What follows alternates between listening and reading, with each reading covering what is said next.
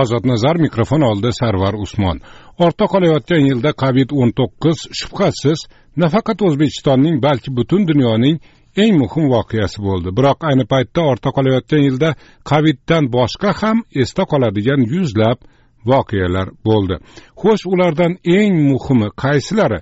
Bu voqealarning ahamiyati nimada? Bu savollarni ozod nazar eshittirishi kirib kelayotgan yangi yigirma birinchi yil arafasida taniqli jurnalistlar va yosh blogerlarga faol jamoatchilarga berdi.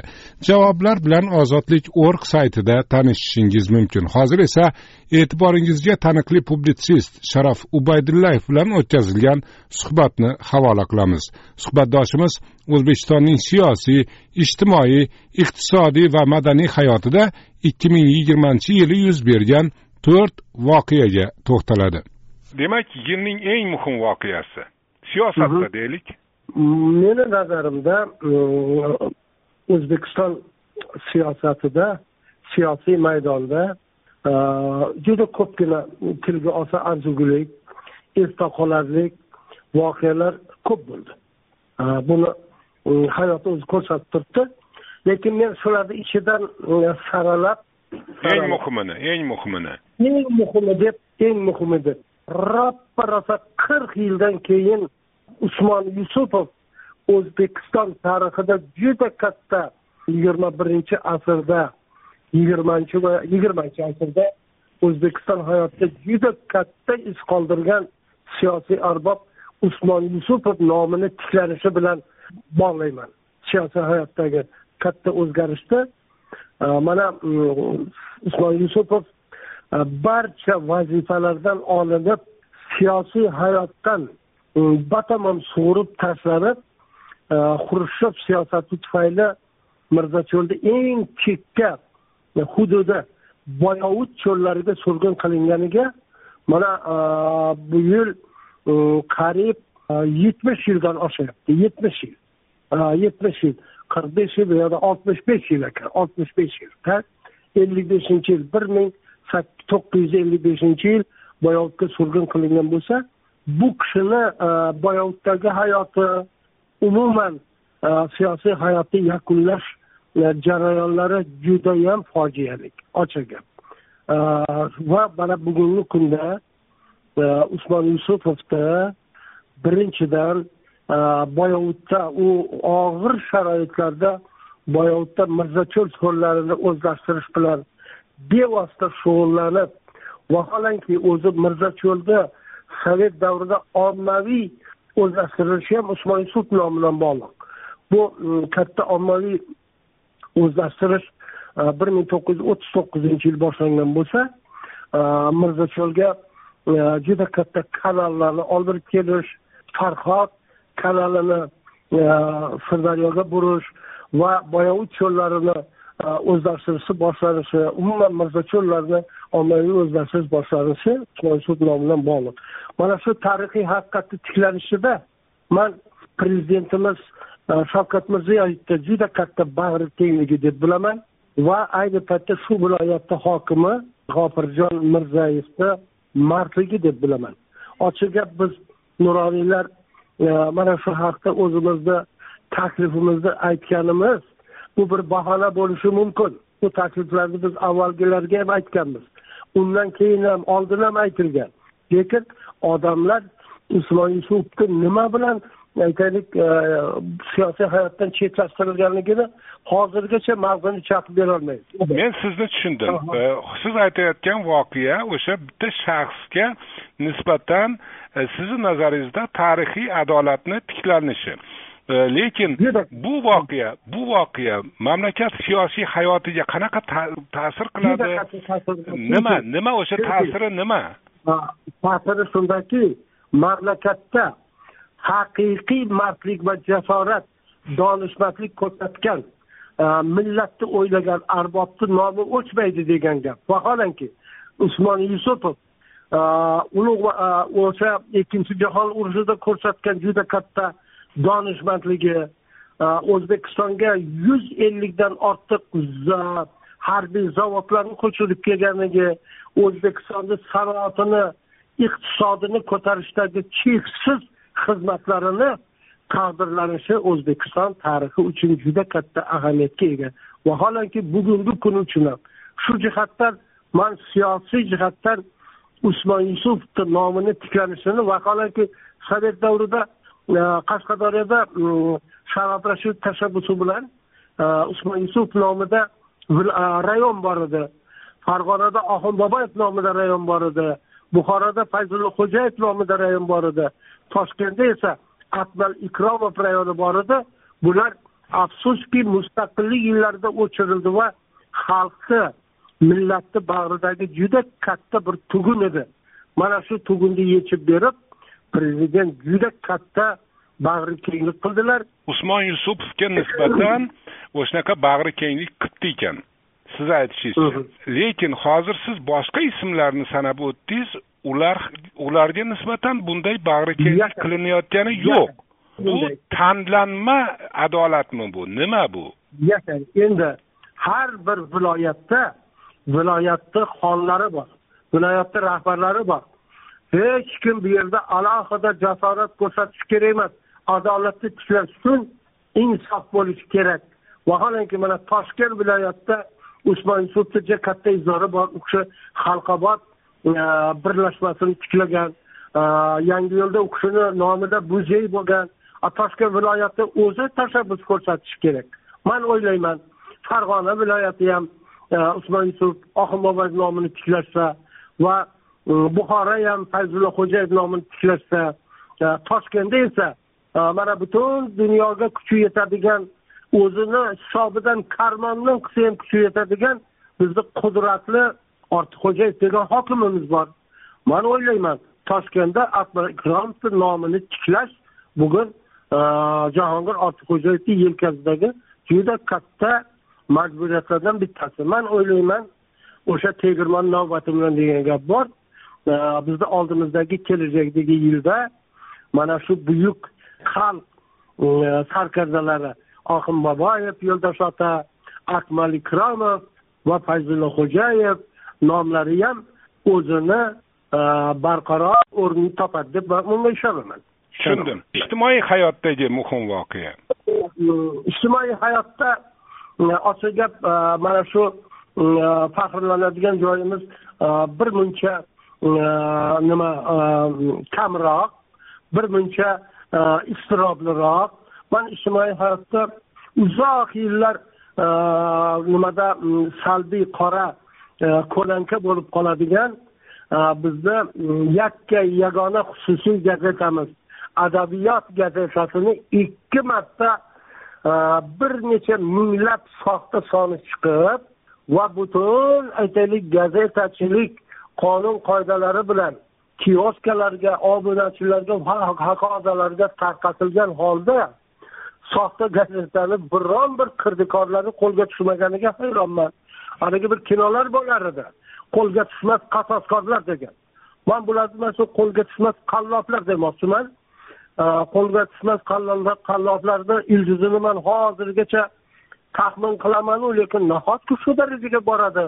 Nahotki shu darajada bular bo'm bo'm shu darajada bularni kallasi bo'm bo'sh deb ta'rifdan qo'rqmaydimikan e, siz adabiyot gazetasi bilan bog'liq voqeani ijtimoiy hayot hodisasi sifatida tilga olyapsiz balki bu siyosiy hodisadir. Yo'q endi buni ijtimoiy hodisaga buraman sabab. Endi bunda e, siyosatchilarni siyosat tepasida turganlarni man bunda ochiq gap shularga qulog'iga yetmayapti ba'zi narsalar. Lekin ochiq gap siyosiy voqeaga ham aylanishi mumkin chunki yaqinda haligi press klub tashabbusi bilan e, respublikani endi nima deydi bunday sanaganda to'rtinchi yo beshinchi rahbari bo'lgan sodiq sapayev qatnashdilar. Mana shu yerda sodiq sapayevga gazetani muharrir baxtiyor e, karim mana shu voqeadan xabaringiz bormi? Buni bir qo'lga tushmas qasoskorlarni hukumat qidirmaydimi deganda iye iye shundaymi shundaymi deb dunyoda shu darajada bexabarligini ko'rsatib lekin o'sha yerda albatta mm, jamiyat oldidagi burchi esiga kirdimi? Topamiz jazolaymiz. Biz sizga bu haqda axborot beramiz dedi shu kecha kunduzda menga ma'lum bo'lishicha bironta qallob topilgani yo'q. Biron kishi ustidan jinoiy ish ochilgani yo'q. Endi men bundan keyin gazetani soxta uchinchi soni to'rtinchi soni chiqmaydi deb aytolmayman. Iqtisodiy hayotdagi muhim voqea. iqtisodiy hayot ochiq gap bu juda katta voqea uzoq yillar o'zbekistonda taqvim darajasiga haligi kalendar deydiyu taqvim darajasiga aylanib qolsa kerak bu sardobani o'pirilishi.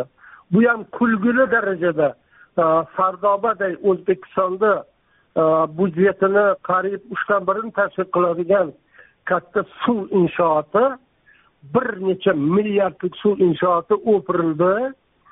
O'pirilish aybdorlarini shu darajada silab siypash boshlandi. Kalamush ham qolmadi aybdor sichqonlar ham qolmadi aybdor keyin tulkiga o'tdik.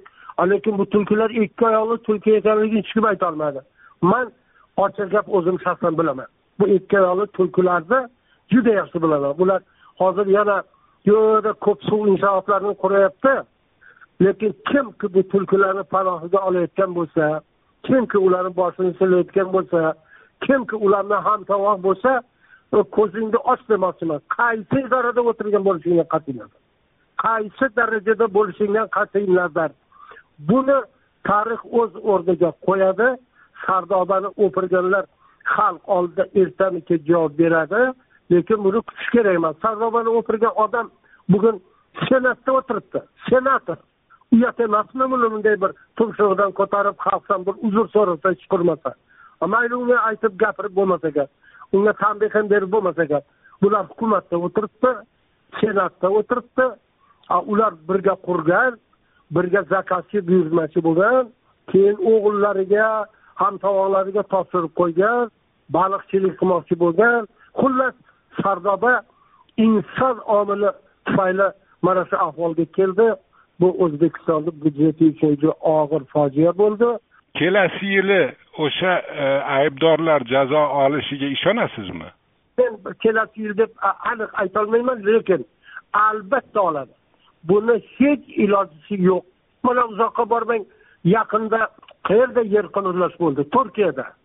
Turkiyada yer qimirlab e, qaysi shahrida uchinchi kuni olib prorabbi bormi arxitektori bormi qurganlari bormi hammasini olib qamadi hammasini nomma nom ko'rsatib qo'liga zanjir solganini ko'rsatdi. Endi sardobani qurganlarni biron payt aytib bo'lmadi hozirgacha aytolmayapti. Qandaydir haqiqatdan sichqondan sal farqi bor mayda mayda e, haligi nima deydi ishtirokchilarga jinoiy ish qo'zg'atildi. Qaysi birlaridir unday bo'ldi bunday bo'ldi deydi. Lekin uni tepasida turgan odam u juda qudratli odam.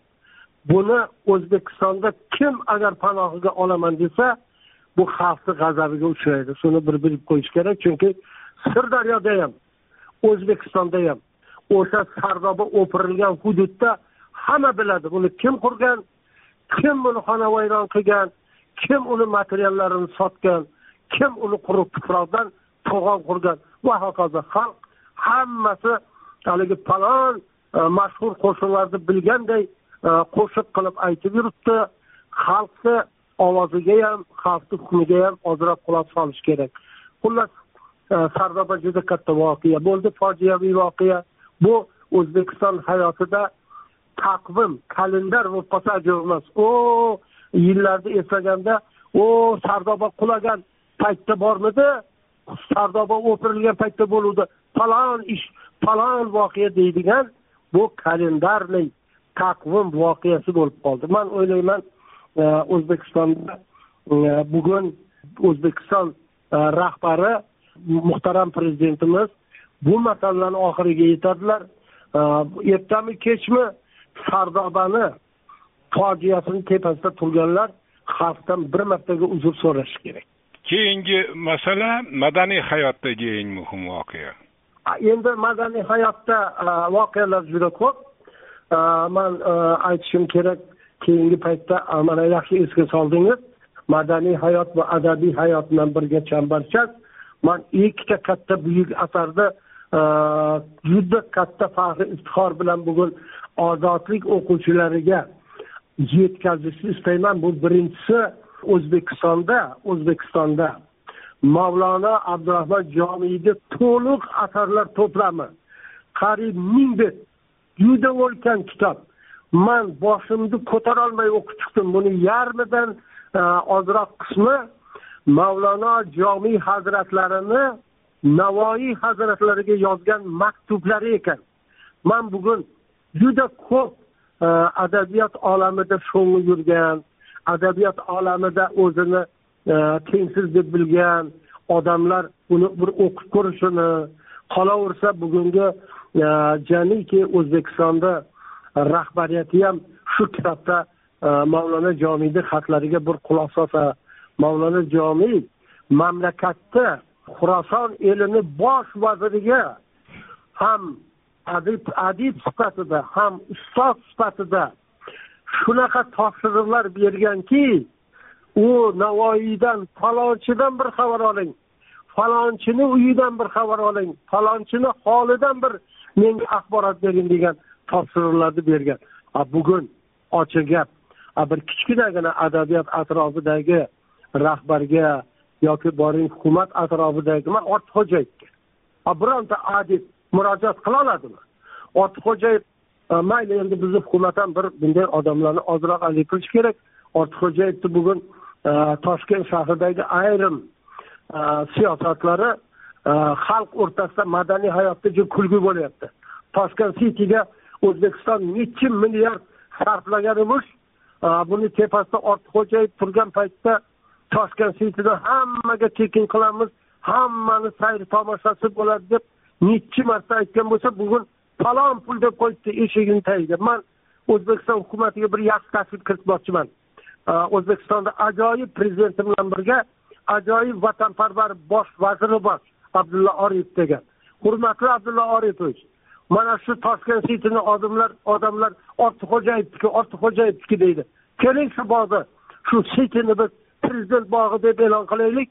Butun dunyoda bor prezident bog'lari. Mana misrda prezident bog'i shu darajada go'zal va shu darajada aytaylik darvozalari ochiq.